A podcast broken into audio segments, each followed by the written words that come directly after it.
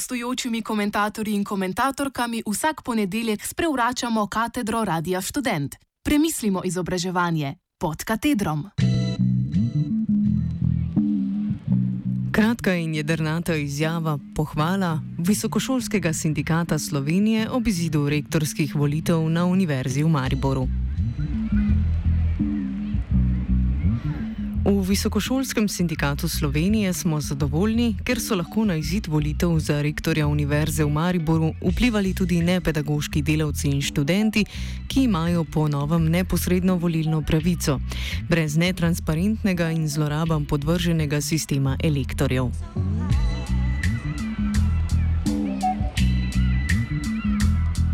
Ta nova ureditev je skupni dosežek Visokošolskega sindikata Slovenije in študentske organizacije Slovenije. Nepedagoški delavci so svojo novo pravico v zelo veliki meri izkoristili in jim zato izrekamo priznanje. Udeležba študentov sicer ni bila izrazito visoka, vendar bistveno višja kot v času, ko so volili elektori.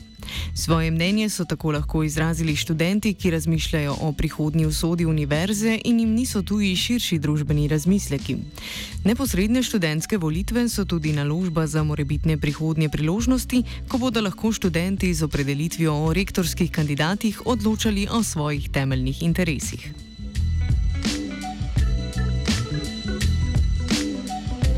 Novemu rektorju, profesorju dr. Zdravku Kačiču, iskreno čestitamo, da mu je uspelo kot posamezniku premagati skoraj celotno prorektorsko ekipo.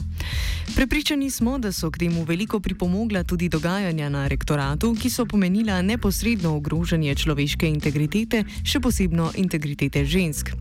Upamo, da bo novemu rektorju uspelo tudi v vodstvenih organih vzpostaviti dobre medčloveške odnose in akademsko kulturo, ki ne bo pomenila le osnovne korektnosti, temveč bo lahko za zgled tudi drugim javnim ustanovam.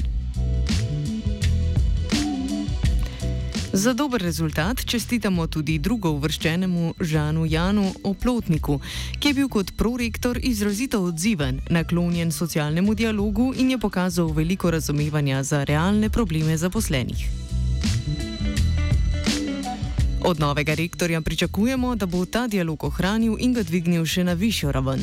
Prepričani smo, da se bo držal predvolilnih zavez glede ohranjanja sedanje ravni pravic zaposlenih, obenem pa ga vabimo k konkretnim pogovorom o tem, kakšna naj bi bila prihodnja ureditev slovenskega visokega šolstva.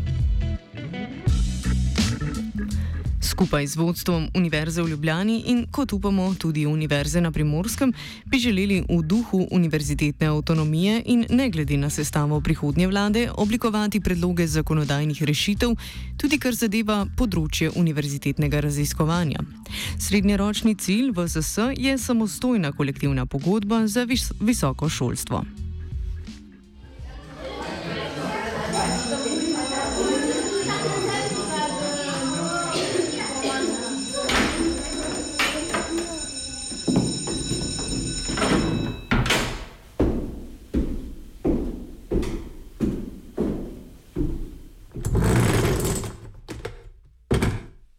Gostujočimi komentatorji in komentatorkami vsak ponedeljek sprevračamo katedro Radia Student. Premislimo izobraževanje pod katedrom.